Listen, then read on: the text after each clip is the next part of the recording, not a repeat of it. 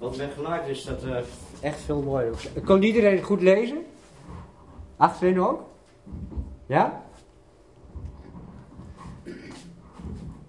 Maar dit, ben ik weer goed te horen? Dit geeft zo mooi aan, ook met de Bijbel. Uh, de Bijbel uh, wordt ook vaak gezegd, die kun je niet letterlijk nemen en de verwarring is compleet. er zijn geestelijke machten die ons daar weghouden, maar die ook de Bijbel, de mensen helemaal teleurgesteld zijn. Die legt het zus uit, die legt het zo uit. Maar de Bijbel kun je echt maar op één manier lezen. Als je echt gaat kijken wat er staat en in de context gaat lezen, dan is er maar één conclusie mogelijk. Nou, we gaan nu uh, de traditie, uh, dat weten jullie misschien wel, die zegt dat. Kun je het een beetje zien? De uittocht begint dus in Gozen en die zegt dat Israël hier door de bittermeren is getrokken. En die bittermeren zijn uh, niet zo heel diep. En dat ze toen hier naar de Sinaï zijn gegaan. Nou, hoe is dat, uh, die, die berg Sinaï, daar kunt u terugvinden, uh, hoe is dat tot stand gekomen? Dat was het tolerantie-edict ehm, van Constantijn de Grote. Staat en kerk werd één. jullie kennen het allemaal, hè? de Rooms-Katholieke Kerk ontstond. De zondagsrust is toen ook ingevoerd. De kinderdoop is toen ingevoerd. Uh, maar het belangrijkste is, Constantijn had een droom dat de berg Sinaï in Egypte was. En zijn schoonmoeder, die heeft toen uh, in de Sinaï een berg aangewezen en gezegd, dit is de berg Sinaï. En de, dat is deze berg dus, die u nu op de foto ziet, met daarvoor het Catharina klooster. En hier gaan heel veel mensen naartoe, omdat ze denken dat dit de Sinaï is. Maar dit is hem niet. Dus hij ligt hier, let goed op. Het stuk wat nu komt is heel belangrijk. En ik denk niet al te moeilijk. Dus men zegt, hier ligt hij. Dus het Sinaï schiereiland, zoals u hier ziet. Dit is Egypte. Dus hij ligt hier binnen Egypte. Ja? We gaan kijken wat de Bijbel zegt. Goed opletten, want nu wordt die belangrijk. En Mozes hoede de kudde van Jethro, zijn schoonvader, de priester in Midian. En hij leidde de kudde achter de woestijn. En hij kwam aan de berg Gods, aan Oreb. En de engel des Heren verscheen hem in een vuurvlam uit het midden van het braambos. En hij zag en ziet het braambos branden in het vuur en het braambos werd niet verteerd. Dus dit verhaal wordt in handelingen aangehaald, die lees ik ook even. En Mozes vluchtte op dit woord en werd een bijwoner in het land Midian, Midian is dat, waar hij twee zonen verwekte. En toen er veertig jaren voorbij gegaan waren, verscheen hem in de woestijn van de berg Sinaï een engel in, in de vlam van een brandende braamstruik. En de berg Sinaï en de berg Oreb, dus één en hetzelfde. Maar jullie zien, jullie kennen het verhaal. Mozes kwam tot zijn broers, tot zijn broeders, uh, om hen te verlossen. Maar die zeiden, wie heeft u tot overste over ons gesteld? Die wezen hem af.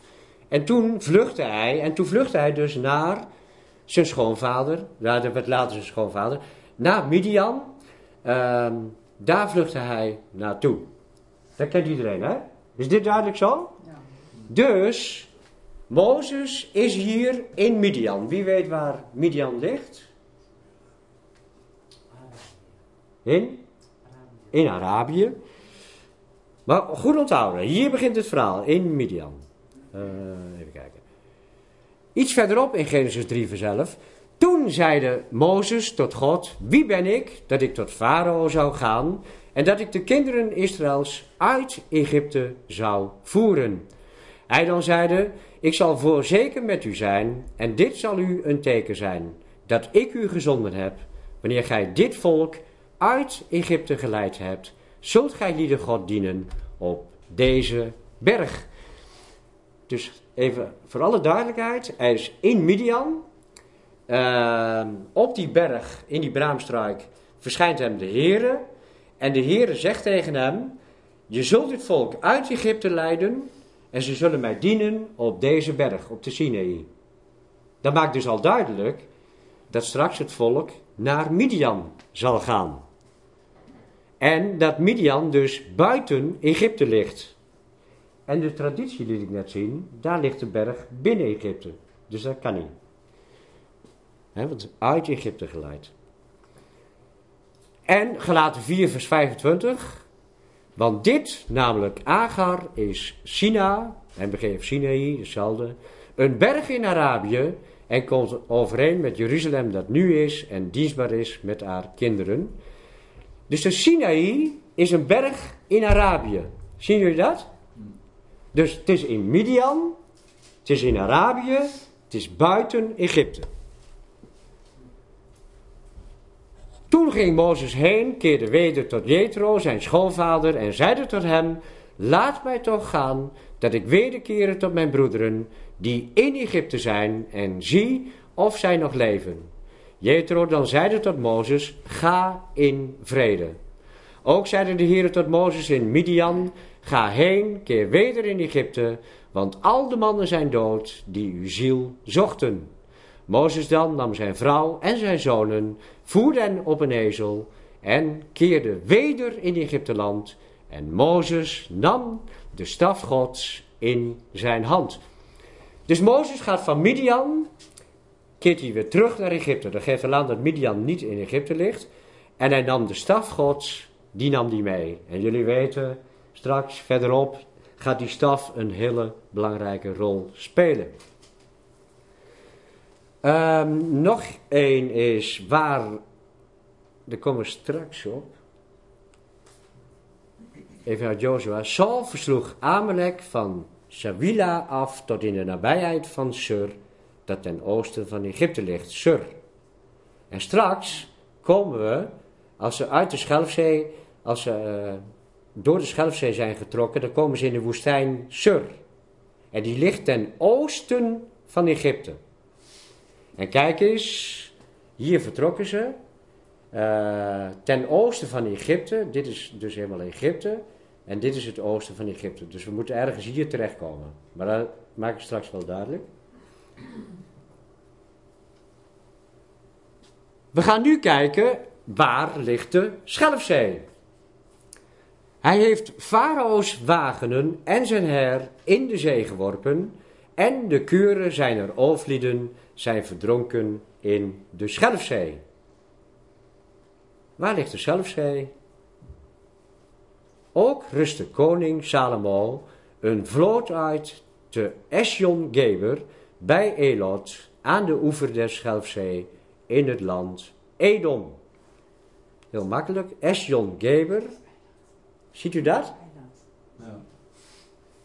Dat ligt hier. Ziet u dat? In de traditie gaan ze hier door. Maar ziet u? Esjon-Geber aan de oever der Schelfzee in het land Edom. Hier is de Schelfzee. Hier gaan we straks door. Dus dat klopt ook, want het oosten, hier moeten ze ergens terechtkomen. Midian ziet u staan. Mozes vertrok uit Midian, dus hier, ging naar zijn volk toe. En we zullen zien dat ze straks hier doorheen getrokken zijn.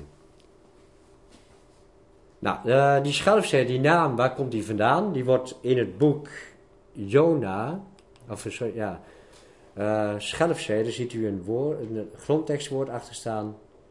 En dat woord komt ook in Jona voor. Zeewier staat er dan. En die zee, de naam Rode Zee komt van de blauwwieren in die zee. En die geven een rode kleur af. En de Rode Zee komt van de rode bergen rondom de zee. Sommigen zijn er geweest. Hebben jullie ook echt die rode bergen gezien? Heb je ook nog die rood gloeiende bergen gezien? Denk het niet, hè? Jullie zijn... Nee? Maar dat zeewier, zien jullie dat? Zo wordt die zee dus ook genoemd. De Wierzee. Dus nu weten we waar we beginnen we moeten door, hier moeten we doorheen en we moeten terechtkomen in Midian.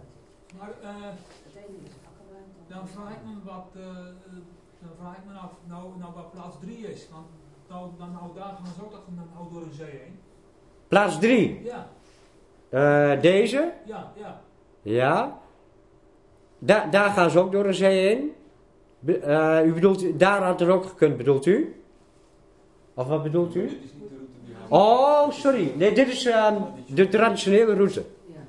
Een van de routes. Uh, je hebt er nog één door de Bittermeren, die ligt hier. Dit is een route. Uh, en je ziet ook vraagtekens, ziet u dat? Hier staan vraagtekens bij. Oh. Maar dit is gewoon de traditionele route, een van de routes. Omdat men dacht, hier moet die China hier liggen. staat ook een vraagteken achter. 100% zeker was men ook nooit daarvan. En die plekken moeten dus, Mara Elim, want die worden genoemd op weg naar de Sinaï, die moeten ergens daartussenin liggen. Maar er staan allemaal vraagtekens bij. Want er is nooit geen archeologisch bewijs daar gevonden. Dat komt omdat men op de verkeerde plek zoekt.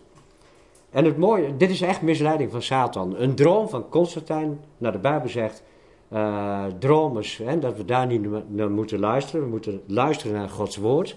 En daar begint de, eigenlijk de ellende met zo'n droom. Maar het is goed dat vroegen, want anders kan er een misverstand ontstaan. Uh, nu gaan we kijken, hoe moesten ze reizen naar die golf van Akkaba? Er zijn een paar mogelijkheden. We beginnen hier. Toen Farao het volk had laten gaan, leidde God hen niet op de weg naar het land der Filistijnen, hoewel deze naaste was, want God zeide, het volk mocht eens berouw krijgen wanneer zij in de strijd gewikkeld werden en naar Egypte terugkeren. Dus God koos een weg dat ze niet meer zouden terugkeren naar Egypte, daar zullen we straks meer van zien. Maar ze moesten dus niet de weg der Filistijnen nemen. Dat is deze weg. Dit is de weg der Filistijnen, want Filist, u weet, hè, hier ligt de Gazastrook. Die Filistijnen zijn er nu weer, want de F en de P zijn in de talen hetzelfde. De Palestijnen en de Filistijnen, die zijn er nu weer. Dus deze weg moesten ze niet nemen. Maar welke weg dan wel? Vers 17. En het is geschied toen Farao het volk had laten trekken zo leidde hen God niet op de weg van het land der Filistijnen, hoewel deze nader was. Want God zeide dat het den volken niet rouwen als zij de strijd zien zouden en wederkeren naar Egypte. Maar God leidde het volk om langs de weg van de woestijn der Schelfzee. De kinderen Israëls nu togen bij vijven uit het land Egypte, of uit Egypteland. Dus ze worden omgeleid de weg der zelfschee. En dan gaan we kijken welke dat is. Leest u maar even dit.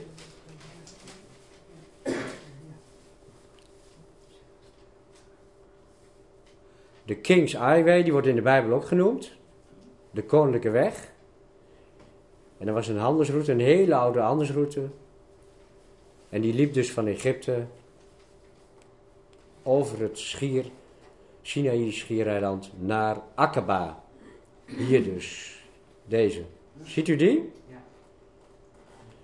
Nou goed, uh, u kunt er verder in verdiepen, maar uh, dat volk uh, van Israël was minstens een miljoen, een enorm volk. En met een enorm volk kun je niet overal zomaar even langs.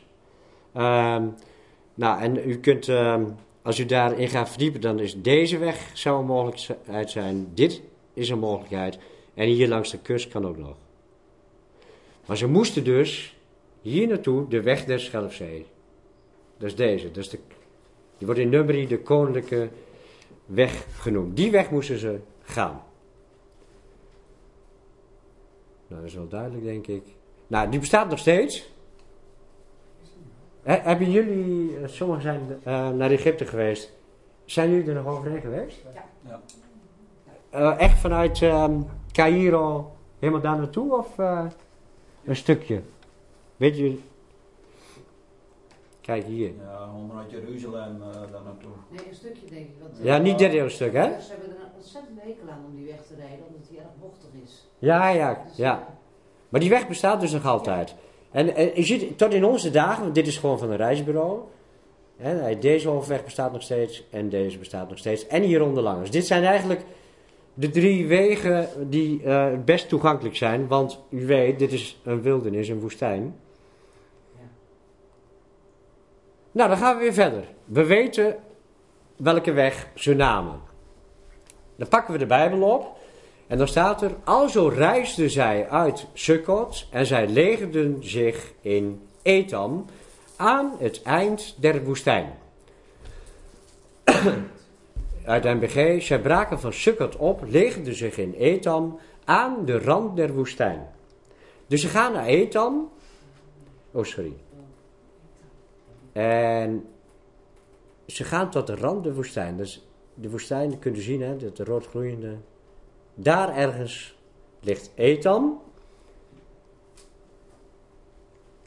Eh, moet ik eerst. Dit, dit is even wat moeilijker. Ehm, ehm, de woestijn Sur wordt in nummerie de woestijn Etam genoemd. Kunt u thuis doen. Kijk, hier staat de woestijn Sur. Maar in nummerie staat hetzelfde nog een keer en dan wordt die Etam genoemd. Maar dan moet je thuis maar eens rustig nalezen. Gewoon Exodus, ziet u een tekstverwijzing. En dan ziet u dus dat Sur en Etam eh, de naam is voor eenzelfde woestijn. Sur betekent muur. De woestijn Sur en. Even kijken. Etam. Sommige, vanuit het Koptisch grens der zee, maar vanuit het Egyptisch is het ook muur. Ziet iedereen dat? Ja? Nou, ehm, zo, zoals jullie misschien wel weten in de Bijbel, ehm Sukkot, hoe is die naam tot stand gekomen? Eh, Jacob, die bouwde Utten en noemde die plaats Sukkot. Want Sukkot betekent hut. En dat gebeurt heel vaak in de Bijbel. Dus eh, er vindt iets plaats, of ehm, eh, zoals in het geval van Jacob, hutten. En daarom krijgt een plaats die naam. Zullen we straks ook zien. Etam is precies hetzelfde. Etam betekent dus muur. Eh, grens der zee kan ook. En Etam is op oude kaart ook nog te vinden. Ik weet niet, dus kunnen jullie denk ik niet zien. Hier heb je de bergtop Etam. En hier WE, dat betekent de Wati Etam. Een kaart van 1847. En de mout Jittem, El Item, dus Etam, ligt aan de noordkant van de golf van Akaba. Dus hier, dit is die golf van Akaba. En hier ligt Etam. En dit, al die bergen eromheen, dat is de woestijn van Etam, de woestijn van Sur. Nou, waarom noemen ze dat muurbergen? Nou, u ziet het al, hè? Hm. Ziet u dat? Zijn echte muurbergen. Straks hebben we een filmpje, let ook maar eens op. Zijn echte muurbergen. En hier heb je dat. De slenk, die kennen jullie met, met die gigantische muurbergen hier. Nou, die slenk, dit is die golf van Akaba. Die slenk die loopt helemaal door. Hier heb je, dit is Petra, denk ik. En dan kom je hier, de eerste zee, is, welke zee is dat? De Dode Zee. En dan iets verder naar boven de Jordaan. En dan nog iets verder naar boven het meer van. Ja. En wie veel Bijbelkennis heeft, daar op die plekken gebeuren juist hele bijzondere dingen. Die met dood en opstanding te maken hebben. Maar dat is de moeilijke variant, die ga ik nu niet doen. Dan hier weer die kaart. Tot dusver duidelijk? Als, als, als iets twijfelachtig is, ik kan, ik kan er nog veel meer over vertellen. Eh, kon dan, eh, want ik, ik, ik kan natuurlijk niet heel uitgebreid, want dan kom ik niet eh, er doorheen. Maar nu gaan we weer in de Bijbel verder lezen. We zaten dus, even kijken naar het lampje. Hier, hier zaten we net. Alzo reizen zij uit Sukkot. Zij legerden zich in Etam aan het einde der woestijn. Hier zaten we. Nu gaan we verder. Hoe gaan ze nu verder? En de Heere toog voor hun aangezicht desdaags in een wolkolom, dat hij hen op de weg leidde En, dat is wel heel mooi, hè? die wolkkolom en die vuurkolom, die worden in het Nieuw Testament ook genoemd, ehm, die zijn een beeld van de Heilige Geest. En je ziet zo mooi dat hij hen op de weg leidde. En wij mogen ook weten, de vuurkolom en de wolkkolom, een beeld van de Jezus, de Heilige Geest in ons, die ons leidt op de weg die we moeten gaan. Uw woord is een lamp voor onze voeten. En hier gebeurt natuurlijk precies hetzelfde. 22. Hij nam de wolkolom des daags, nog de vuurkolom des nachts niet weg van het aangezicht des volks. Toen sprak de Heer tot Mozes, zeggende: Spreek tot de kinderen Israëls dat zij wederkeren en zij zich legeren voor Pi Agirot tussen Migdol en tussen de zee, voor Baal Zephon, daar tegenover zult gij u legeren aan de zee. Dan zal Farao van de Israëlieten denken dat zij in het land verdwaalt. De woestijn heeft een weg versperd. In het boek Farao zal dan denken, ha, nu zitten ze in de val tussen de woestijn en de zee. Nou, wat u nu even goed moet onthouden is, ze komen dus aan de zee en ze komen tussen de zee en de woestijn in. Woestijn betekent ook wildernis, zoals u misschien weet. Dus ze komen tussen de woestijn, de wildernis en de zee in. Op zo'n plek komen ze terecht. En ze komen dus op een plek terecht dat ze geen kant meer op kunnen. Zullen we straks zien. Nou, even onthouden, deze naam, daar moeten ze zich legeren. Dat ligt dan tussen Migdol en tussen Baal Zephon. Nou, dan gaan we weer verder. Even kijken of het te zien is. Hier ligt een vliegveld, maar ik, uh, achterin kun je denk ik niet zien. Hier beginnen die muurbergen. Dat is heel uitvergroot, hè? Hier rijden die muurbergen, hier rijden die muurbergen. Dus dit is de woestijn Sur en Etam. Hier ligt Etam ergens, de, de, die bergtop Etam. Maar ze komen dus van deze kant, hier ligt Akaba. Dus ze komen zo van deze kant komen ze. Die weg hebt u net gezien. En dan ligt hier een vliegveld. Even kijken of ik de goede pak. Pak de goede die. Ja. Die. Dat is een vliegveld. Even in de gaten houden. Daar een vliegveld. Gaan we hier verder. Dat vliegveld ziet u hier weer. Kijk, dit is die weg, hè, die uh, koninklijke route. En ze moesten naar Etam. Maar God zei, bij, bij de rand van de woestijn moesten ze stoppen. En God zei, keer terug. En dan keren ze dus terug. Maar ze moesten naar de Schelfzee, weet u nog? Dan is er nog maar één weg voor een groot volk naar die Schelfzee. Dus hier ergens waren ze, ze moesten terug. En kunt u deze weg zien? Ze moesten naar Pi Agirot. En we zullen zien waar dat was. Ja, dan gaan we weer verder. Die weg zie nu verder, die ik net liet zien. Hier moesten ze stoppen, ze moesten terug. Dan blijft er nog maar één kloof die naar de Schelfzee, want daar moesten ze naartoe over. En ik weet niet of jullie het kunnen zien, maar die loopt zo. En die komt hier terug. Oh, jullie bedroom naar mij, want ik zie hem al helemaal niet meer. Dus dit is er gebeurd, ze moesten terug. Oh, ja.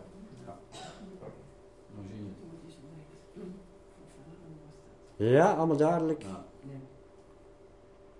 Nou, dit is even. Oh ja, die, die moet ik wel even nemen. Maar we gaan Pi Agirot. Net, um, dit had ik net al aan, Sukkot. hij maakte Utten. Daarom noemde hij die plaats Sukkot. En Pi Agirot is precies hetzelfde. Pi Agirot is niet, uh, geen plaatsnaam in dit geval. Maar dit komt uit, uh, even kijken waar ik deze weg ga. Dit komt uit de Lexion. En wat betekent Piagirot? Monding van de kloven. Of de uitmonding van de kloof. En deze kan iedereen nakijken. Dit is de statenvertaling met kanttekeningen. En dan wordt de verklaring voor de mond van Girot. Dat is voor de engte of ingang tussen de bergen van Girot. Dus ze moesten naar Piagirot. En wat is Piagirot? Die Pi ervoor, dat is de ingang van de bergen. Heeft iedereen dat? Daar moeten ze naartoe. Dan gaan we naar de volgende. Migdol. Want ze moesten tussen Migdol en de zee, moesten ze. Migdol, de naam van verschillende Egyptische grensvestigingen, die torenvesting betekent. Het woord Migdol betekent in het Hebreeuws uitkijktoren. Dus waar moesten ze naartoe? Toe? Naar, ze moesten tussen de uitkijktoren en de zee moesten ze. En die uitkijktorens, uh, ruïnes zijn er uh, het strand waar we straks terechtkomen. Maar die zie je langs de grens van Egypte veel meer, die uitkijktorens. Want wat deden ze vroeger? ze hadden postduiven en dan zonden ze die postduiven van de ene migdol naar de andere. En er was nog een manier die ze gebruikten vroeger, in deze tijd.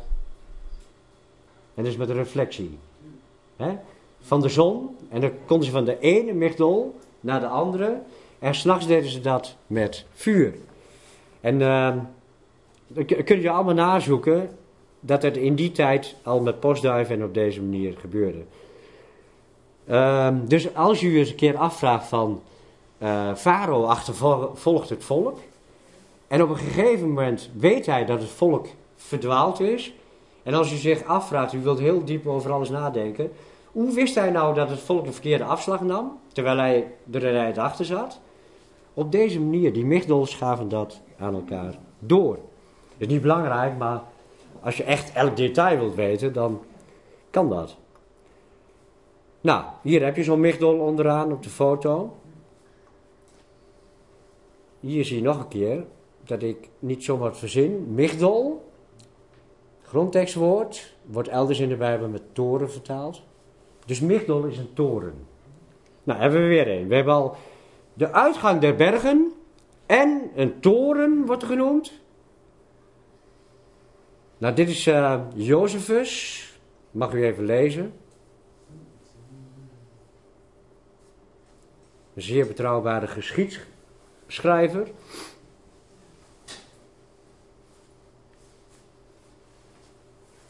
Kan ik namelijk de water hoor ik er neer? Oh.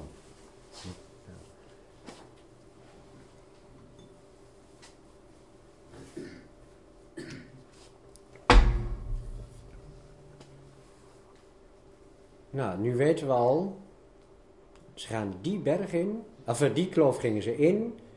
En dan kun je eigenlijk nog maar één kant op met zo'n groot volk en dan kom je hier, kom je uit. Die kloof, daar komen ze vandaan, die kloof, dat is dit weg. Zo.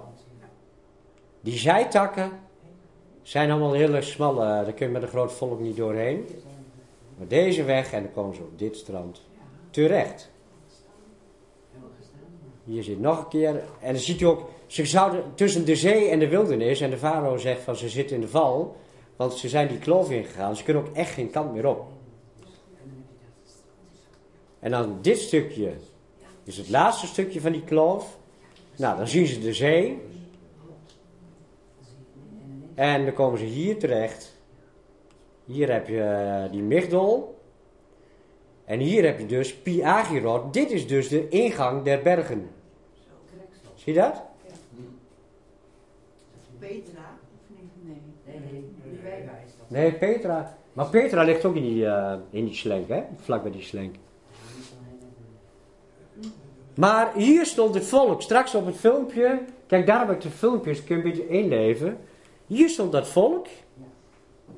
En wij, um, doordat ik dit gedaan heb, het, heeft mijn leven wel verrijkt. Want ja, vroeger, die, die, die uh, Israël in de woestijn. En dat murmureerde. En dan denk je van, zo'n enorm wonder meegemaakt. En dan murmureren ze maar. En uh, God die helpt ze uit Egypte. En dan vertrouw je toch op God. Maar als je dan hier komt en je kunt geen kant meer op en de farao die komt eraan, dan was het een heel ander verhaal. En ze zitten in de val, ze kunnen geen kant meer op, zo lijkt het. En denk aan het kruis van de Jezus Christus. Uh, de overheden en machten hebben hem gekruisigd. En ze dachten toen, hè, Farao dacht nu, ah, nu zitten ze in de val. En Satan dacht, ha, nu is de erfgenaam dood. En wat gebeurde er? En dan komen we in de opstanding terecht. En dit verhaal beeldt dat natuurlijk uit. Even kijken. Oh, nu komt het filmpje.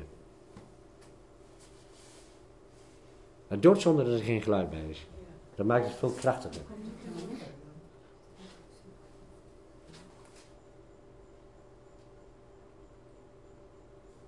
Dit is hem weer. Maar ja, Het is wanneer, wanneer het Farao eigenlijk vertrokken waren, maar van. Wanneer die vertrokken is. Ja, zo'n eh, volkje dat gaat niet zo snel en mijn vader gaat dat natuurlijk. Ja. Hetzelfde denk ik, is je pas vertrokken toen hij wist dat ze in de val zaten. Eh, nee, is denk ik wel iets. eh, maar maar ga, je, ehm, ga je er heel diep op in, dan bijvoorbeeld. ehm, eh, ze zouden drie dagreizen en dan zouden ze in de woestijn zijn. Hè?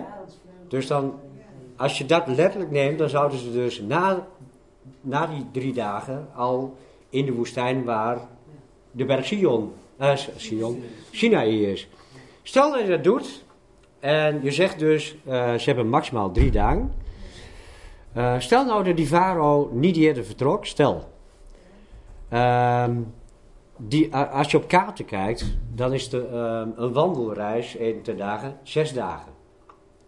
Dus dan, dan heb je zoiets van zes dagen, dat kan niet. Maar wat is er gebeurd? Ze reisden dag en nacht. Ja, En Jezaja zegt, ik heb u op arendsvleugelen gedragen. Dus, dus het is wel degelijk, als je dag en nacht reist, is het is het mogelijk. En dan heeft die doortocht dus plaatsgevonden op de 17e Nisan. Want op de 14e was het, moest het paaslam slachten. En in de nacht na de 15e trokken ze uit. En dan hadden ze eh, zeg maar 2,5 dag om daar te komen. Eh, het, het, het gaat narekenen, kan het. En het mooiste is dan, dan trokken ze dus op de 17e Nisan door de Schelfzee. En de 17e Nisan dat is de dag dat onze Heer opstond. En dat eh, bijvoorbeeld eh, de ark vastliep op de berg Ararat. Ja, en meer van, eh, want 17, ehm, het verhaal van Jozef begint ook als hij 17 jaar oud is. 17 staat in de Bijbel voor verlossing. Dus ga je het allemaal narekenen, dan klopt het ook nog perfect. Ehm, even kijken, daar ga ik even. Dus we zijn nu op het strand van Nu-Wijba. Daar kunnen we altijd naartoe. Sommigen van u zijn daar geweest. Lijkt me ook geweldig om een keer naartoe. Nou, even een vraag, hè. Ja? Eh, kijk, als je bovenin het scherm kijkt, dan hadden ze er ook omheen gekund. Ja, heel Ja. mooi. Maar daar zat ik net over na te denken. Toen kreeg ik één keer eh, nou, de zicht op. eh, eh, nou, waarom moesten ze nou door de zee? Nou, dat is om het regen te verslaan. Precies. Ja. Dus Het is fantastisch Daar, dat, daar heb ik nog nooit bij stilgestaan. eigenlijk. fantastisch dat je het zegt. Want inderdaad, ze- want ehm, Mozes zelf was in Midian, die is natuurlijk gewoon deze weg gegaan. Hun had ook zo Dat kan je moeilijk doen. deze weg kunnen gaan. En ze hadden trouwens ook zo, want hier ligt Israël al, het beloofde land in kunnen gaan. Dat had ook gekund, want hè, dat was het uiteindelijke doel. Maar God wou, hier, op dit punt, ze waren eigenlijk, ze stonden op de drempel van Israël. En daar zei God, keer terug. Ja. En dat deden ze. Maar inderdaad, God laat zijn verlossingsplan zien. En laat zien hoe de Satan eh, en al die geestelijke machten, hoe die verslaan worden. Want daar komen we straks wel op. Maar dat is heel mooi, eh, dat is inderdaad exact. En dat moet Mozes tot, tot, tot de openbaring hebben gekregen. Dat hij daar langs moest. Ja. Jazeker, God, hij werd geleid door God. Ja, absoluut. Anders als mens zou je dat niet doen. Nee, absoluut niet. Nee, want dit is naar de mens. Ja, en dan komen we dus op gelaten. Het evangelie is niet naar de mens. Nu wijba, dit is ook heel leuk. Kunt u zelf eh, doen met Google Earth. Moet ik eerst even het bovenste zak lezen. Nu wijba is verdeeld in twee centra. Tarabin Nuweiba, Nuweiba Tarabin. Dat is twee kilometer ten noorden van de stad gelegen. En Muzayana Nuweiba. Zijn jullie daar nog geweest? Degene die... Hebben jullie dat nog gezien? Dus Nuweiba is in twee gedeelten eh, verdeeld. En het ene gedeelte wordt Nuwij, uh, Mujayana Nuwijba genoemd. En dat ligt 7 kilometer naar het zuiden. Hebben jullie dat nog gezien, toevallig? Nee, ik weet niet. Bestaat nog steeds hoor. Ja? Bestaat nog steeds. Hier, en dan moet je allemaal maar eens een keer doen. Dan ga je op Google Earth ga zoeken. Die naam staat namelijk hier. Ja. Deze. Op Google Earth kun je zo nazoeken. Hier heb je die klova's uitkomen. En is dit uh, nu, Tarabin nu bij me? Ja. Deze, ja, daar zijn wij geweest. En als je op Google Earth gaat zoeken, dat is wel geinig, ziet u die naam ook. Ja, er nou. Precies. Die net in de Bijbel. Ja. Die naam, ga maar eens op, eh, op googlen. En dan zoomt u in en wat is dit? Weet, weet iemand het toevallig? Zijn jullie nog geweest toevallig? Dus gewoon, staat nog gewoon op Google Earth. Inzoomen. Ik vertel niet wat het is, dat eh, mag u zelf doen. Maar wat bijzonder is, u kunt het gewoon zelf even nakijken. Ehm, even kijken. Nou, hier rijden er ook weer op. Eh, Net was Google Maps trouwens, dit is Google Earth. Ziet u ook die naam weer terug? Nou, dit is ook, ehm, is ook heel bijzonder. De Zesdaagse Oorlog. U, weet hè, dat eh, de Arabische landen zouden Israël eens even plat walsen. En dit was dan de oorlog met Egypte, de Zesdaagse Oorlog. En eh, wat is er gebeurd? Israël is, want met de punt grenst Israël aan de golf van Aqaba. En is via het water naar het strand van Nuwijba gegaan heeft diezelfde route genomen als het volk Israël in de dagen van de Exodus. En heeft het leger van, eh, van Egypte van de achterkant verrast. En zo kwam welke woestijn in handen van Israël? Precies. Maar hun zijn precies de omgekeerde volgorde gegaan. Heel bijzonder. En ja, onze God is bijzonder. Ik vind het echt fantastisch. Nou, u kunt er gaan googlen en dan eh, dat strand van Nuwijba, dan vindt u bijvoorbeeld, u vindt veel meer maar bijvoorbeeld deze, op een kameel door de Sinaï en dan hier. Voor de echte duikers is er natuurlijk nog veel meer te halen, zoals een aantal prachtige, met koraal overdekte wrakken, die iets verder uit de kust op de bodem van de zee liggen. Geweldig. U kunt gewoon daar naartoe en dan liggen op de bodem liggen wrakken. Rara, van wie zullen die wrakken zijn? Op YouTube. Daar staat ook op. Ja, dat is het. Ik vind het geweldig. Ja. Ja, dit, eh, toen ik die filmpjes opzag en eh, hij dan dit zo ziet, ik weet niet, nu is het geluid weg, maar echt een brok in de keel. De Heer bevrijdt zijn volk als beschermer en bevrijder eh, in tijden van nood. En ja, het volk kon geen kant meer op. Waren er geen graven in Egypte, dat we nu hier moeten sterven. En ook wij als gelovigen zijn soms in zo'n situatie. Soms dan kun je, lijkt het of alles tegen zit en dat je geen kant meer op kunt. Ehm, ik ken u natuurlijk niet allemaal, maar ik weet wel dat ieder in zijn hart veel meer pijn lijdt dan de buitenwereld weet. Ook ik. Als je de Heer volgt, heb je met pijn van doen. Want eh, als wij zwak zijn, kan Hij sterk in ons zijn. en dan is het zo mooi om dit te zien. Hoe trouw onze God is. Die Schelfzee, gaan we even kijken waar dat een beeld van is. Hierboven staat dus. En hij schold de Schelfzee, zodat hij verdroogde. En hij deed hen wandelen door de afgronden als door een woestijn. En er wordt dus, die Schelfzee wordt afgrond genoemd. Het is niet voor niets, want jullie weten, hè, boek Openbaring, de afgrond openen, de afgronden staan voor de dood. En dat zie je heel mooi in deze psalm. Gij die mij veel benauwdheden en kwaden hebt doen zien, zult mij weder levend maken en zult mij weder ophalen uit de afgronden der aarde. En dat, die psalmen, ik hoop dat u dat weet, spreken allemaal over onze Heer Jezus. Ehm, gaat hier over ehm, zijn dood en opstanding. En deze psalm spreekt dus ook over de Heer Jezus. En de diepe kolken der wateren werden gezien en de gronden der wereld werden ontdekt. Van u schelden, o heren, van het geblaas des winds van uw neus. Let goed op, door, het, door de wind. Daar komen we straks weer op terug. Hij zond van de hoogte, hij nam mij, hij trok mij op uit grote wateren.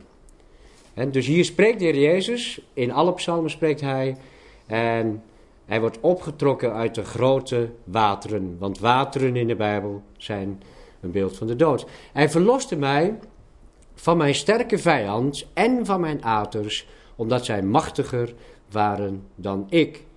En dan denken we natuurlijk ehm, aan Herodes en Pilatus en aan de ogenpriesters en de fariseeërs. Maar als we de psalmen gaan lezen, dan leren we dat achter die mensen geestelijke machten zaten die eigenlijk de Heer Jezus aan het kruis hebben genageld. En er staat ook een sterke vijand en mijn haters. En we weten allemaal hè, van de opstand in de hemel, Satan en een gedeelte van de engelen die in opstand kwam tegenover uh, God. Uh, en daar gaat, gaan die psalmen, die wijzen daar naartoe.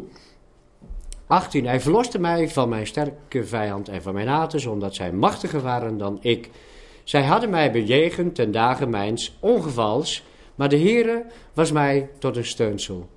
Hij voerde mij uit in de ruimte. Waar gaat dat over? Dus hij wordt uit de dood getrokken, uit de wateren. Hij voerde mij uit in de ruimte. Over? Ja, over de hemelvaart, hè? Hij rukte mij een positie aan de rechterhand Gods, want hij had lust aan mij. De Heere vergold mij naar mijn gerechtigheid. Hij gaf mij weder naar de reinigheid mijner handen. En dan, dan moet u zelf maar eens doen, als je dan Psalm 17 en 18 achter elkaar leest. In Psalm 17. Maar ik zal uw aangezicht in gerechtigheid aanschouwen. Ik zal verzadigd worden met uw beeld als ik zal opwaken. En wanneer werd er het beelddrager Gods? Na zijn opstanding. Dat is zo mooi, als je die twee psalmen bij elkaar neemt. Nou, deze heb ik al gedaan. Nou, we zien vanuit de psalmen dus dat wateren een beeld zijn van de dood. En dan begrijpen we ook het verhaal van de doortocht door de Schelfzee. Want het volk ging door de Schelfzee, door de afgrond, dus door de dood heen maar kwam aan de andere kant weer op het droge. Terwijl Farao en zijn legers, die achtervolgden hen, maar voor hen werd het de dood. En uh, ik begon met dat het volk um, in Mozes gedoopt was, hè, in de wolk en in de zee. En voor ons geldt natuurlijk precies hetzelfde, de ware doop, de doop in de Heilige Geest, onze wedergeboorte. Die doop in hem was onze begrafenis hè, door die schelfzee. En zoals Christus weer levend is gemaakt door de heerlijke macht van de Vader, zo mogen wij nu ook een heel nieuw leven leiden. We zijn dus één geworden met hem, één in dood en leven. Wij weten dat de persoon die wij vroeger waren niet meer leeft. Voor God niet meer. Die is met Christus aan het kruis gestorven. Zo is er afgerekend met het wezenlijke van de zonde. De zonde heeft niets meer over ons te zeggen. De zonde heeft geen macht over een dode. Als wij met Christus gestorven zijn, geloven wij dat, geloven wij dat we ook met Hem zullen leven. En dan zie je dus heel mooi, dit is uit het boek, we doen altijd echte Bijbelstudies vanuit de Statenvertaling, maar af en toe citeer ik toch eens uit het boek, want hier staat precies heel scherp wat er is gebeurd aan het kruis. De persoon, vers 6, die wij vroeger waren, die leeft voor God niet meer. Dat is heel belangrijk. Voor God leeft hij niet meer. Voor onszelf is hij er nog. En de Bijbel leert ons in Efeze, Colossense, dat wij uh, moeten denken zoals God denkt. God rekent niet meer met jouw oude mens. Voor God is die dood en wij moeten ook leren die oude mens af te leggen er niet meer mee te rekenen. Wat moeten we wel doen? We zijn met Christus opgestaan. We moeten wel dat nieuwe leven wat God ons heeft gegeven, dat moeten we gaan leven. En dat is eigenlijk het geheim van een christelijke levenswandel. Maar die, jongen, die Joden die door, door, door de Rode Zee gingen, die waren niet nat. Die waren niet nat. Nee. Ja? Ja. En, en wat bedoelt u daarmee? Nou, zo. De omhoog, dus kunnen door droog voet Precies. doorheen geleid. Ja, klopt. Maar ze bedoelt het in doop eigenlijk. doop. Onze dat het een doop uitbeeldt. eh, Ja, maar deze doop... Oh, sorry. De doop in Romeinen... Deze doop hier in Romeinen is niet de waterdoop. Dat is de geestelijk doop. Ja, dat is de doop in de Heilige Geest. Mosaïtische doop. De geestelijke. Dit, ja, deze doop, dan moet u eh 1 Korinthe eh, 12 of 13... Dat we door één geest in één lichaam zijn samengevoegd. Die doop gaat het hier over, de doop van, eh, in de Heilige Geest. Want in het vervolg zie je er ook, we zijn door één geest in het lichaam gedoopt. En dan zie je ook dat we nu één zijn met Christus. Eén in dood en in, één in opstanding. Ja. Dus gaat hier niet... eh, de waterdoop is daar een beeld van. Is een beeld van. Ja. Ja, dus wij worden ook niet nat. Net als met Noah. Nou, ehm, dus wij zijn nu eh, door die Schelfzee gegaan, mochten aan de andere kant eruit. Maar de farao en zijn leger niet. En dan lezen we Colossense 2, vers 13 begin ik maar. Ook u heeft hij, hoewel gij dood waart door uw overtredingen en onbesnedenheid van het vlees, levend gemaakt met hem, toen hij ons alle, sorry, toen hij ons al onze overtredingen kwijtschold. Nou, dit, is zo belangrijk dat je deze waarheid ziet, dat aan het kruis, dat jij met Christus gestorven bent en dat God echt al je overtredingen heeft weggedaan. En hij gedenkt ze niet meer, staat in Hebreeën. Eh, dat is zo belangrijk, want de Bijbel leert dat je een rein geweten moet hebben om tot God te kunnen gaan. En als je dit niet gelooft, dan heb je nooit geen rein geweten. Satan doet er ook alles aan dat gelovigen deze waarheid niet zien, want dan heb je schuldgevoelens en dan heb je het gevoel, ja, wie ben ik om te gaan bidden tot God, om hem iets te vragen. Wie ben ik? Dan voel je je zo schuldig, dan durf je niet vrijmoedig tot hem te gaan. En ook als gelovige, als je deze waarheid kent, kun je toch in die situatie komen dat, dat, dat je toch in de macht van die zonde komt en dat die zonde zo'n grote rol in je leven gaat spelen. En dan is het gewoon belangrijk dat je weer gaat vertrouwen op het woord. Het woord zegt het overduidelijk. Al je overtredingen zijn kwijtgescholden. 14. Door het bewijsstuk uit te wissen, dat is de wet, dat door zijn inzettingen tegen ons getuigde en ons bedreigde. Die inzettingen, hè, dat is de wet. En dat heeft hij weggedaan door het aan het kruis te nagelen. Hij heeft de overheden en machten ontwapend en openlijk tentoongesteld en zo over hen gezegevierd. Nou, hier, dit gaat dus ook weer over dood en opstanding. Maar hier leren we ook nog dat daardoor de overheden en de machten, dus de farao en zijn machten, eh, ontwapend zijn. En dan citeer ik nog even Exodus. Want ik zal in deze nacht door Egypteland gaan en alle eerstgeborenen in Egypteland slaan, van de mensen af tot de beesten toe. En ik zal gerichten oefenen aan al de goden der Egyptenaren, ik de Heere. En zien jullie, wij lezen in de Bijbel, Farao en zijn leger, maar zien jullie dat de werkelijke strijd waar het God om ging, de goden van die Egyptenaren, die geestelijke machten die boven hen stonden, dat het daar eigenlijk om, om sorry, ging. Nu weet ik dat de Heere groter is dan alle goden, want in de zaak waarin zij trotselijk gehandeld hebben, was hij boven hen.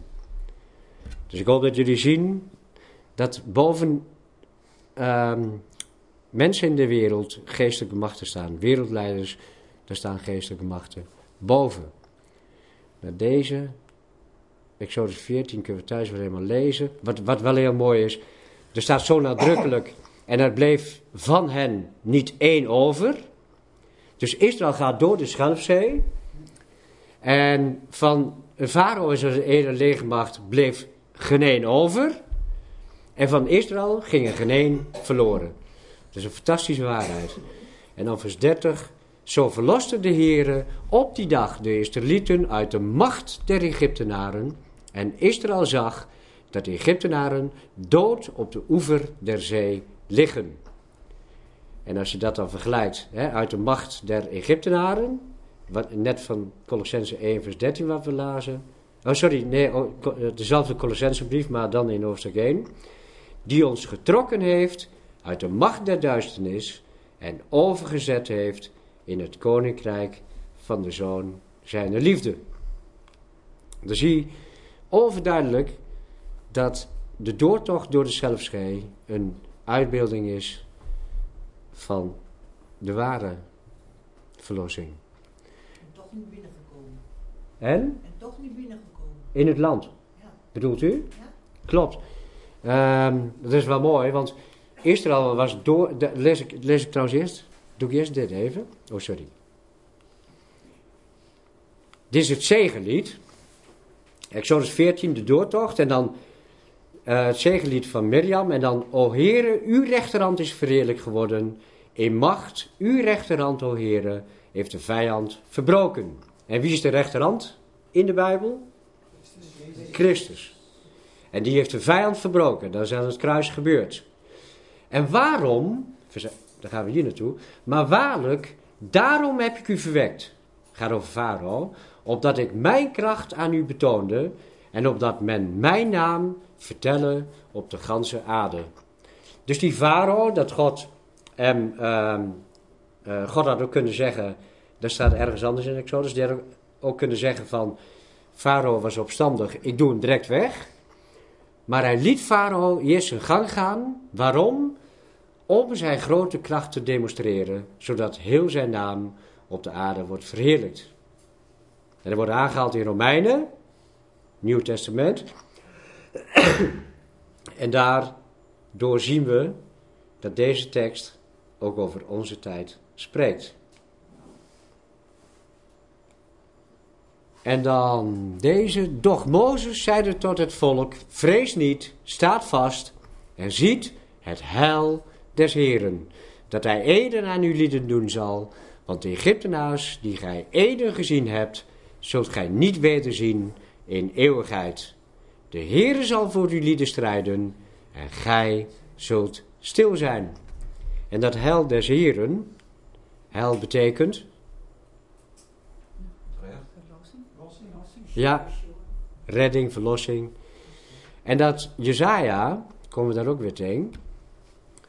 Hoe lieflijk zijn op de bergen de voeten des, desgenen die het goede boodschap, goede boodschap, het Griekse woord daarvoor is, evangelie inderdaad, evangelie betekent blijde boodschap of goede boodschap, die de vrede doet horen, desgenen die goede boodschap brengt, van het goede, die heil doet horen, desgenen die tot Sion zegt, uw God is koning. Kijk, en zo kunt u dat zelf thuis ook doen. Eh, want de, de Bijbel leert dat de wet is een schaduw der toekomende goederen. Met andere woorden, heel het Oude Testament is een uitbeelding van het Nieuwe Testament. Dus in het Oude Testament leren we hoe Gods, ehm, eh, hoe Gods plan eruit ziet, hoe Hij werkt in de wereld, hoe Hij werkt in ons als gelovigen, hoe Hij eh, de vijand heeft verslagen. Dat zien we allemaal in het Evangelie, in de blijde boodschap. Duidelijk? Nou, deze Farao zal dan denken: ah, nu zitten ze in de val tussen de woestijn en de zee. En in spreuken en ook in de psalmen staat dat de vijand zal een val uiteenzetten, een net uiteenzetten, maar zal er zelf invallen. En Farao dacht, nu zitten ze in de val, maar die val, daar viel hij zelf in. En dat zien we natuurlijk met Jezus ook. Toch spreken wij wijsheid bij hen die daarvoor rijp zijn. Een wijsheid echter niet van deze eeuw, noch van de beheersers deze eeuw, wier macht teniet gaat. Maar wij spreken als een geheimenis, sorry, maar wat wij spreken als een geheimenis is de verborgenheid, is de verborgen wijsheid Gods, die God reeds van eeuwigheid voortbeschikt heeft tot onze heerlijkheid. En geen van de beheersers deze wereld, het gaat over Satan en zijn machten, heeft van haar geweten, want indien zij van haar geweten hadden, zouden zij de Heer de heerlijkheid niet gekruist hebben. Als Farao had geweten, ik achtervolg ze, maar die golven gaan terug, ik sterf erin, had hij ze niet achtervolgd. En als Satan en de wereldheersers, de geestelijke machten, uh, hadden geweten dat de Heer Jezus zou opstaan uit de dood, zoals het volk aan de overkant zou komen, dan zou hij de Heer de heerlijkheid niet hebben gekruist. En dat was een geheimenis. Een verborgenheid. En het woord zegt het al. Uh, verborgenheid, geheimenis. Het was geheim in het Oude Testament. God heeft dat overal vastgelegd in het Oude Testament. Niemand kon het zien. En na de opstanding van die Jezus, dan wordt dat geheimenis duidelijk gemaakt. Dan wordt dat geheimenis geopenbaard. En daarvoor mocht dat niet, want anders zouden ze de Heer de Heerlijkheid niet hebben gekruist. En wij weten vanuit Petrus dat zelfs de engelen een blik wouden inslaan, maar die hebben het ook niet gezien. Niemand wist het. En dat is Gods geweldige plan. Uh, even terug. Zo. Um, net zei u van het volk werd niet nat. En het volk kwam niet. Iedereen kwam niet in het land van uh, in, in het land Canaan. Um, nou, uh, de doortocht is een beeld van de dood en opstanding van de Heer Jezus Christus. En dat volk moest nog wel door die woestijn heen op weg naar het beloofde land. En wat u ook zegt, een overblijfsel kwam aan. En kijk eens om ons heen hoeveel we nu zijn. Heel veel, velen nemen het evangelie niet aan. Er zitten twee betekenissen uh, in, maar ik neem nu even de ene betekenis. Maar de wereld wil dat niet. En komen dus ook niet in het beloofde land. En dan nog een vraag. Uh, Mozes nam die staf mee. Hij staat voor de zee. Hij steekt die staf omhoog. En toen, wat gebeurde er toen? Toen. Ja, toen? Ten andere moest een ondersteuning. Nee, dat is uh, weer een andere. dat is iets later. Maar hij stak de hand omhoog. Precies. Ja, want sommigen denken, Mozes stak die hand op en die zee gaat open, zoals we net in het filmpje zagen. Hè? Maar dat is niet zo, want het duurde een hele nacht. Dat lezen we even. Toen Mozes zijn hand uitstrekte over de zee, zo deed de Heere de zee weggaan door een sterke oostenwind, die ganse nacht en maakte de zee droog en de wateren werden gekliefd. En wat hier staat is totaal niet weer belangrijk, maar het is wel weer mooi. Want hier staat door een oostenwind, oh hier staat, ja, het was een oostenwind.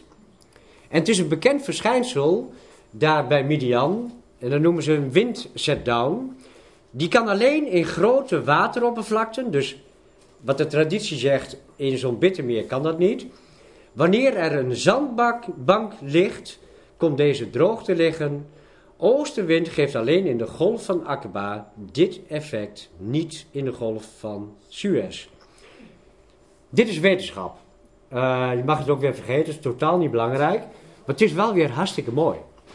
Het is alleen in de golf van Akaba is dit mogelijk. En in die golf is dit verschijnsel af en toe nog zichtbaar. De, de, de Eufraat en al die dingen, die gaan allemaal door Arabië. Wat nu moslimlanden zijn. Ja, ja heel apart. En dan precies... Ja, precies zoals de Bijbel zegt. En uh, wij zijn geen bewijs nodig. Wij geloven de Bijbel. En als je wedergeboren bent, dan weet je gewoon 100% zeker dat je een kind van God bent. Omdat de geest van God in je hart getuigt dat je een kind van God bent. Maar als we om ons heen kijken, als je dan één keer tot geloof komt en je gaat zoeken, nou, dan barst het van het bewijs in de wereld dat de Bijbel ook echt elke punt en komma van de Bijbel waarheid is. En we leven in de wereld van ja, als er een God is, waarom zien we er zo weinig van? Hadden ze vandaag hier moeten zijn bijvoorbeeld. Maar ze moeten gewoon om zich heen kijken. Gewoon nadenken over de dingen, want God laat zich wel degelijk kennen als je gaat zoeken. Bestaat de vrouw van Lot ook nog in de Dode Zee? Hoe zegt u? Vrouw van Lot? Nou, de, ehm, eh, mensen achter u zijn, zijn bij Sodom en Gomorra geweest. Ehm, dus eh Sodom en Gomorra bestaat ook nog steeds. Is ook niet op de plek waar toeristen worden ingeleid. Maar is op een andere plek.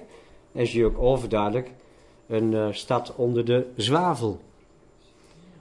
Nou, wat, wat wel leuk is, een geboorte vindt plaats hè, dat het vruchtwater breekt. En als u Ezekiel 16 leest, dan lees je over die doortocht dat daar een volk geboren is. En dat is weer schitterend. Het volk staat ervoor. Het water breekt en het volk wordt geboren. Precies zoals bij een geboorte hier in deze wereld. En die geboorte vond plaats eh, na de negende plaag, bij de tiende. En een geboorte bij een kind is ook na 90 maanden. Nee. Ah, ah, negen. Ja, hou me goed in de gaten. Negen maanden. En negen maanden is weer 40 weken. Dat is ook wel leuk. Want 40 in de Bijbel, hè, 44, 400, hè, dat staat voor deze wereld. Daarom moest Israël, eh, het volk ook 40 jaar, eh, oh ja, 40 weken, nu. 40 jaar door de woestijn. Maar wat dan ook weer leuk is, dat het volk 400 jaar in slavernij was.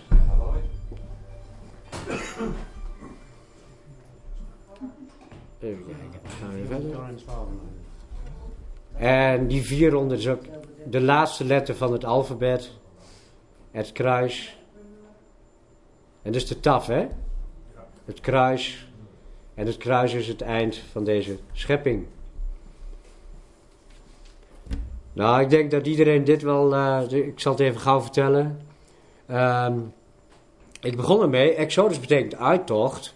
En vlak voor de doorgang door de Schelfzee moesten ze een lammetje in huis nemen op de tiende. En dat moesten bewaren tot de veertiende. En dat was het paaslam, was dat, hè? En dan zie je ook weer deze. Zuiver dan de oude zuurdesem uit. En dat moest het volk ook doen, hè? Lees het verhaal maar eens. Ze moesten alle zuurdesem wegdoen. En ze namen dat ongezuurde brood ook mee. Lees maar eens goed. Opdat gij een nieuw deeg zijn moogt, gelijk gij ongezuurd zijt.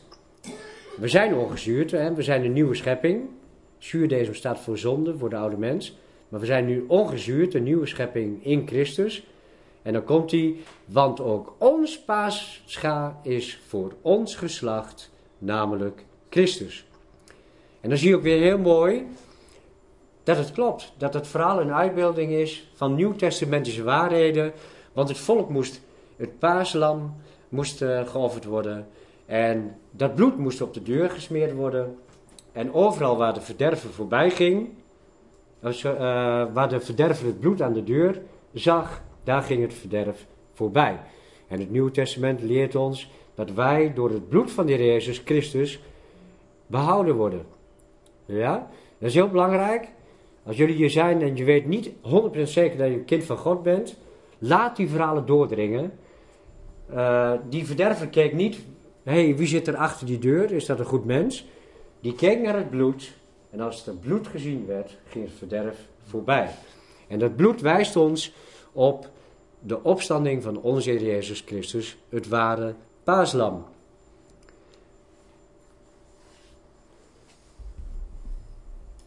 Nou, we hebben nog eh, allemaal geestelijke waarheden. De slang die verhoogd werd in die woestijn. En wordt in het Nieuw Testament ook uitgelegd. Gelijkerwijs Mozes de slang in de woestijn verhoogd heeft. Alzo moest de zoon des mensen verhoogd worden. Opdat een ieder die in hem gelooft niet verderven. En bij de uittocht, hier zo begin ik. Wanneer ik het bloed zie, zal ik uw lieden voorbij gaan. En er zal geen plaag onder uw lieden ten verderven zijn. Als dat bloed gezien, dan geen verderf. Als je gelooft in de Jezus, ga je niet ten verderven. Dan heb je het eeuwige leven, en het woord zegt het al. Eeuwig leven, onvergankelijk leven, dat kun je nooit meer kwijtraken. En als dat niet zo was, had ik geen leven meer. Dan had ik zoiets van, laat die opname nu maar komen, nu geloof ik nog. Want eh, velen onderschatten totaal wat echt geloof is. Het echte geloof wat de Bijbel bedoelt is dat je het woord van God vasthoudt. Dat je er trouw aan bent. En nou, dan zou ik zeggen van, nou, neem me nu maar weg. Nu weet ik tenminste zeker dat ik nog eh, in u geloof. Maar je kunt het nooit meer kwijtraken. En dat geeft rust en dat geeft vrede. Wil ik je ook een hint geven? Wat zegt u? Wil ik jou ook even een hint geven? Wat dan? Uiteindelijk gaat het niet om ons, maar om hem. Ja, dat klopt. Hij heeft het gedaan hoor. Dat klopt. Nee, Ik snap, Maar- ik snap je ja. Snap je heel goed. kijk, als je het zou kunnen verliezen en, en dan heb je ook eh, dat je geloof en je kunt weer verloren gaan. Stel dat het waar was, dan zou ik geen leven hebben. Dan zou ik heel bang zijn van, Ja, hè, eh, hou ik het vast. Maar eh, de Bijbel is er overduidelijk over. Ehm, daar, daar, daar hebben we ook al gehad. Dat de Heer zegt, ik zal voor lieden strijden. En dat moeten we altijd vasthouden, want soms gaan we toch zelf aan het strijden, krijgen we onrust. Hij strijdt voor ons. Oh ja, deze is ook wel mooi. In Exodus 2, dat kennen jullie allemaal, Mozes, en die naam krijgt hij. En die naam betekent, want ik heb hem uit het water getogen. En Mozes, jullie kennen het verhaal met een rieten mandje, werd uit het water getogen. Mozes eerst.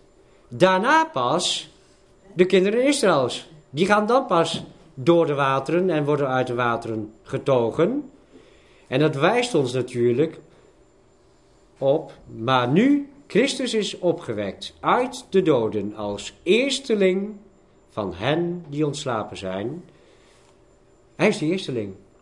En daarna, nou, enzovoort. Snappen jullie die? Hij is als eerste uit de doden opgestaan en wij zijn. Nou, ik had net over die set down. Er ligt ook inderdaad een zandbank. Ik denk dat dit wat overdreven is. Maar hij ligt er. Op die plek van nu wij waren. Ehm, deze. Door het geloof zijn zij de Rode Zee doorgegaan, als door het droge, het welk de Egyptenaars, ook verzoekende, zijn verdronken.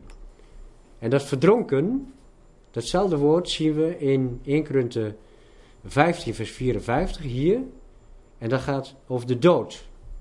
En dan zie je ook weer mooi dat het een beeld is van dood en opstanding.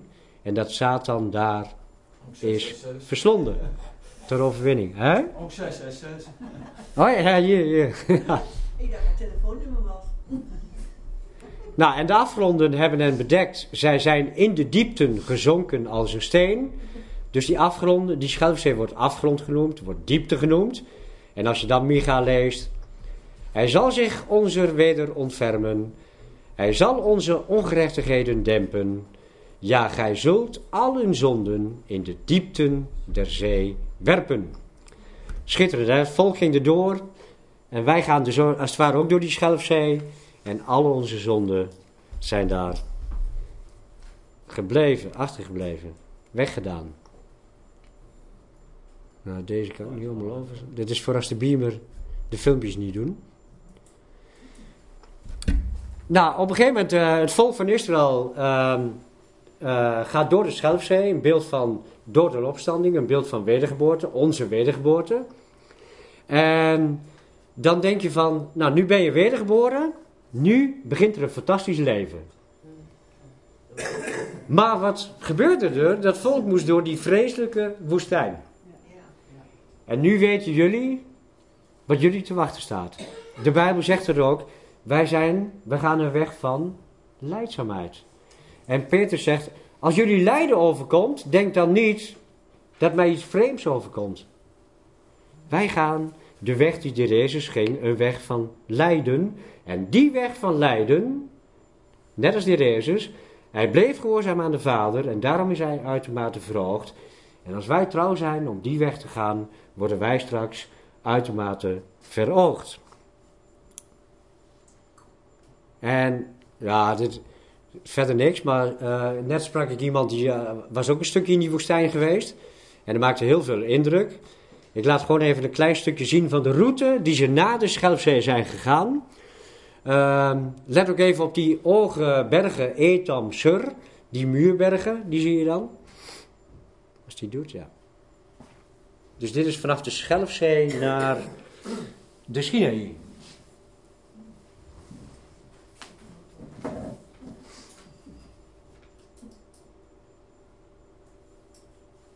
Daar liepen ze dus.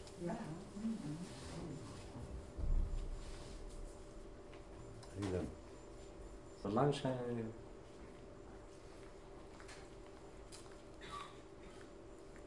Maar daar zien we straks meer van. Dit is alleen om een indruk te geven. Dat volk, dat zijn namelijk, jullie kennen het allemaal, eh, die verlangden terug naar de vleespotten van Egypte. Uh, nou, ik hoop dat jullie nu een klein beetje meer snappen dat het ook wel logisch was. In die dorre woestijn, door die verschrikkelijke warme uh, woestijn, uh, ze verlangen terug naar de vleespotten van Egypte. En dat beeld moet je goed vasthouden, want wij krijgen ook met moeite en pijn te maken. En dan kunnen ook wij weer terug verlangen naar de vleespotten van Egypte. Want uh, gelovigen en het geloof vasthouden en trouw blijven aan de Heer, dat, is, dat klinkt makkelijk, maar het is hartstikke moeilijk om altijd trouw te blijven. Omdat God uh, ons beproeft. Uh, je ervaart God niet elke dag ten volle. Tijdenlang soms niet, ervaar je God helemaal niet. En dan is het zo belangrijk om dit soort waarheden te kennen en weten dat dit de weg is die we gaan. Um, even kijken. Nou, ze murmureerden in die woestijn. Nou, water is een beeld van het woord van God, zoals we weten. Het manna wordt genoemd natuurlijk en door, in de woestijn, het manna. En dan zegt hij Jezus, uh, Jezus dan zeide, voorwaar, voorwaar zeg ik u, Mozes heeft u niet gegeven het brood uit de hemel, maar mijn vader geeft u dat ware brood uit de hemel. Want het brood Gods is Hij die uit de hemel nederdaalt en die de wereld het leven geeft. Dus het brood, het manna, is een beeld van de Jezus, van het woord van God. Maar we zien ook vaak in onze dagen het volgende. En het volk sprak tegen God en tegen Mozes: Waarom hebt gij lieden ons doen optrekken uit Egypte, opdat wij sterven zouden in de woestijn? Want hier is geen brood, ook geen water, en onze ziel walgt over dit zeer lichte brood. Het manna. Het boek vertaalt ook gewoon, manna staat ook in de grondtekst. Dus het grootste gedeelte van het volk walgt van het manna.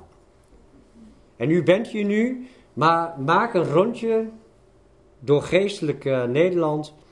En waar wordt nog het woord van God recht verkondigd? Waar is nog Bijbelstudie echt? Wat zegt de Bijbel nu?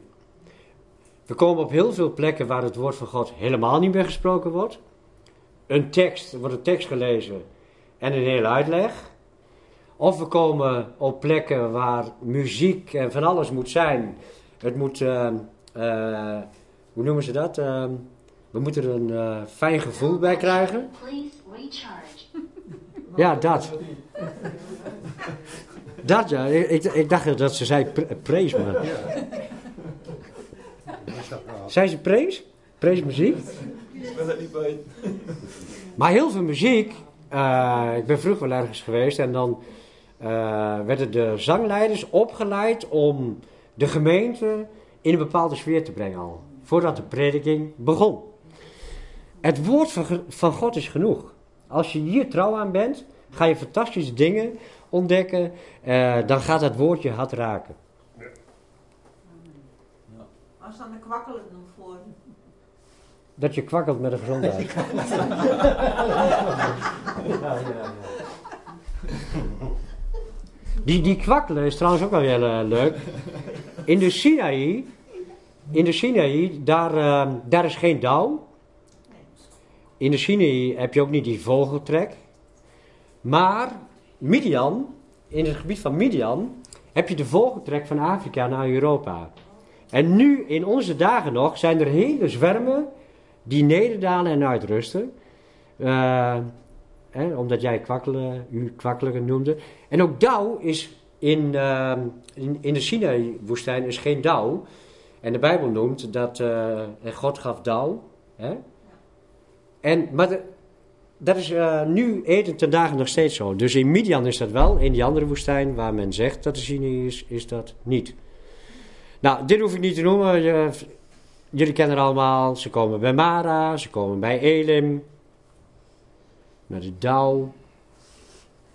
Ga ik nu niet meer noemen. De twaalf bronnen. Staat in de Bijbel hè, dat ze bij de twaalf bronnen van Elim komen.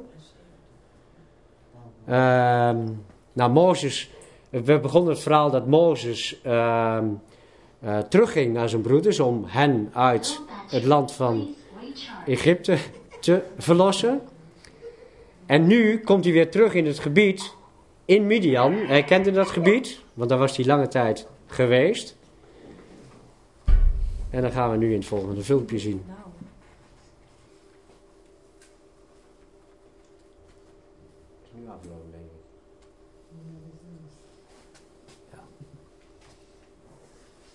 Nou, die, die grotten van. en we begonnen verhaal Midian.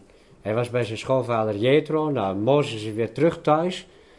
En die grotten van eh Jethro, die. eh, ik zou zeggen, ga er een keer naartoe kijken. Maar dat valt niet mee. Hè. Je kunt heel slecht in dat gebied. Kun je ergens naartoe. Nou, we gaan eh, zo de rots Oreb gaan we zien. En jullie kennen het verhaal. Mozes moest op die rots slaan. En die rots is een beeld van? Direct erachteraan. Als die weer doet. Lijkt er zo nou wel. Doet hij het nou wel of niet? Ja. dat doet wel. Nee, wel geduld.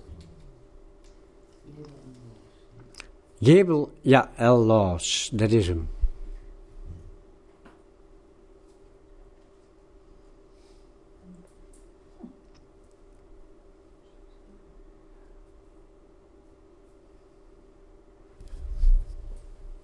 En die rotsslaan was ook bij Horeb, hè, dus deze steen staat ook vlak bij de berg Sinaï.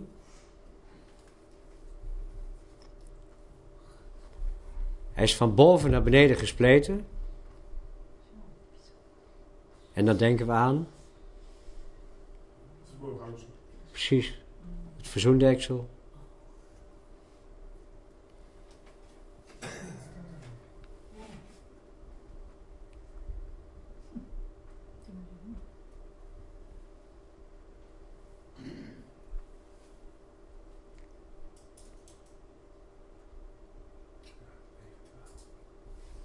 erosie komt toen door, door de stormvloed. Ja, maar hier is, is veel meer erosie dan omliggende, in het omliggende gebied.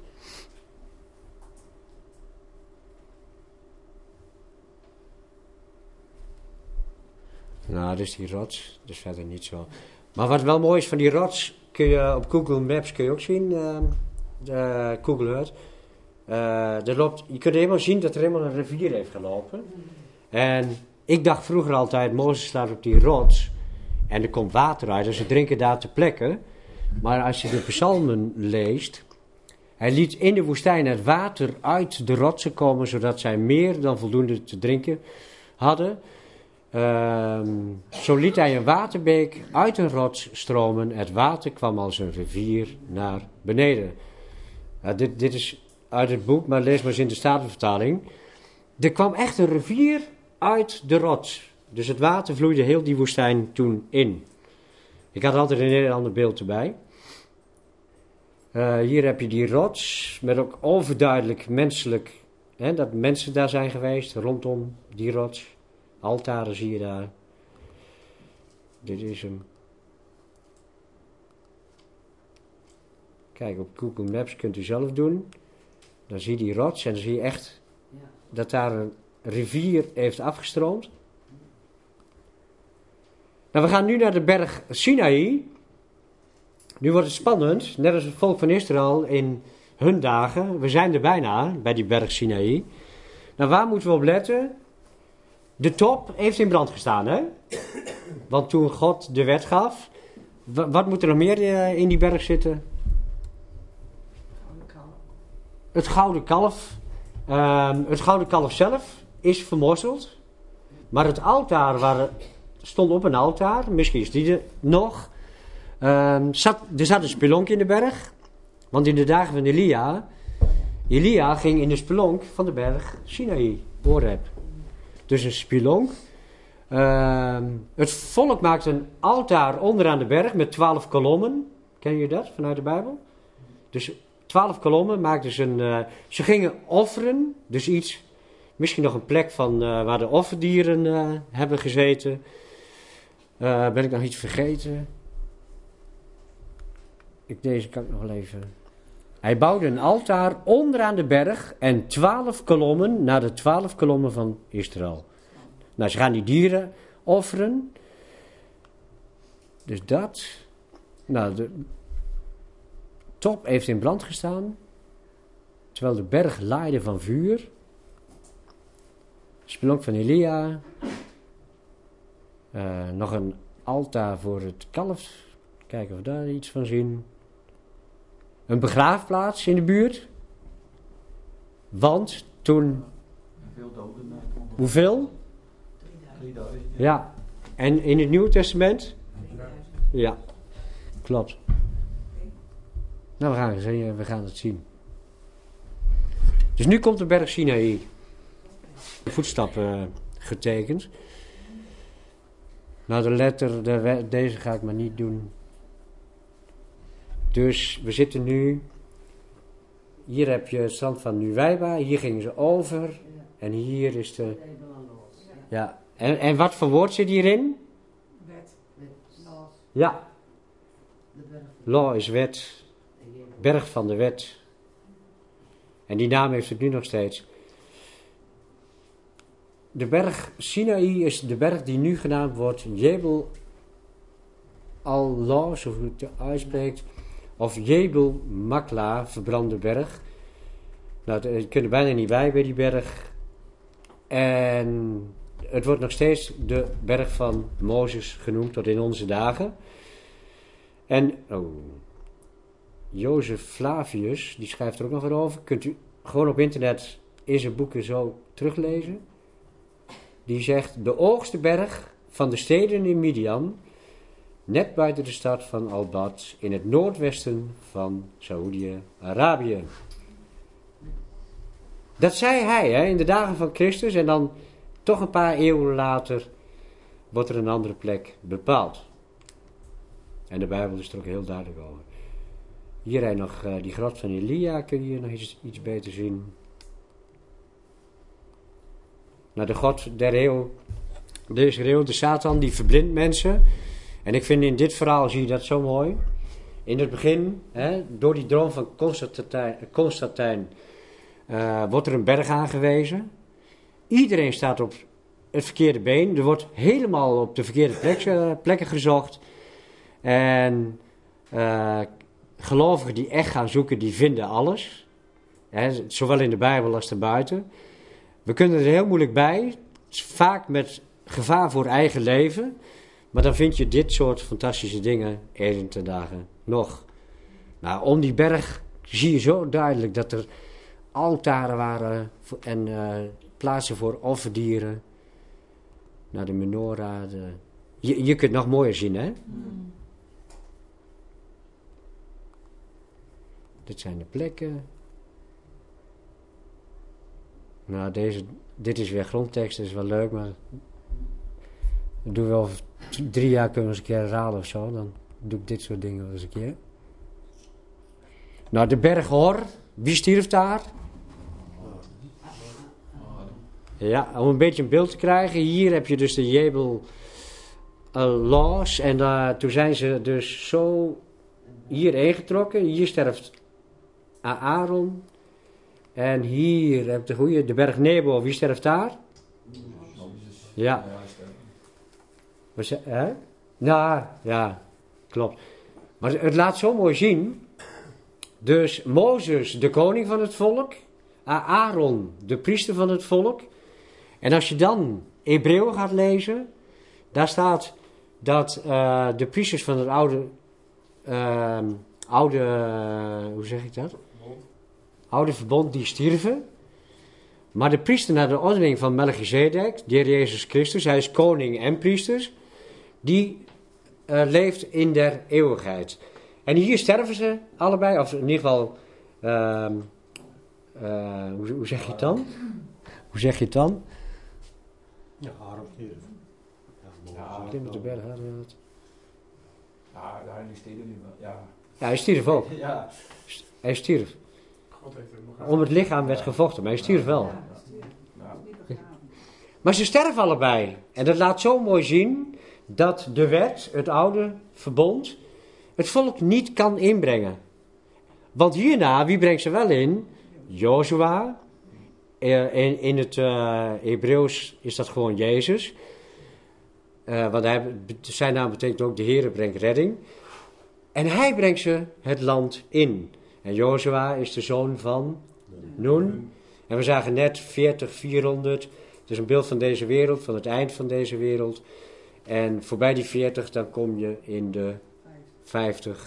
En daar ziet het ook weer heel mooi in. Je ziet het ook met koorts, hè. Ik denk als je 50 graden koorts hebt, dat je hier ook niet meer bent. Nou, die sla ik allemaal over. En dan het laatste filmpje.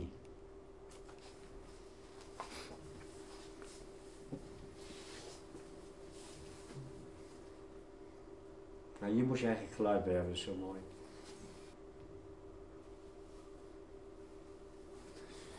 Ja. Als je bijbelstudies doet uit de Hebreeënbrief en zo, dan ehm, is het geweldig. En als je dit dan zo even ziet, bij mijzelf, dan dringt het nog verder door hoe bijzonder dat is. Je ziet even op een rij, het spreekt allemaal van onze Heer Jezus Christus. En toen hij stierf, scheurde het voorhangsel en de weg naar de hemel was vrij. Ehm, maar deze studie gaat nog een eind door, maar ik stop nu. Maar ik hoop dat ieder van jullie heeft gezien dat heel het Oude Testament spreekt over de verlossing die God tot stand bracht in onze Heer en Heiland, de Jezus Christus. Jij sluit nu af met een lied en een gebed. eh, danken hoor.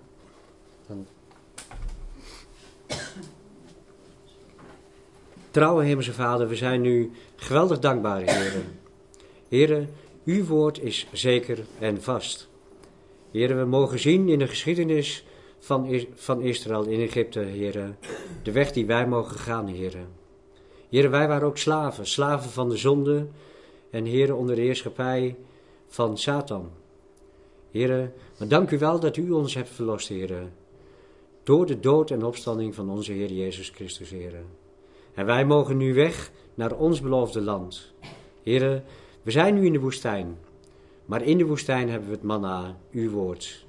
En heren, in die woestijn leidt uw geest ons. Heren, wilt u bij ieder die hier nu is zijn, heren. Heren, dat we dat woord wat een lamp is voor onze voeten, dat we dat trouw tot ons nemen, zodat we mogen leren verstaan de weg die wij mogen gaan.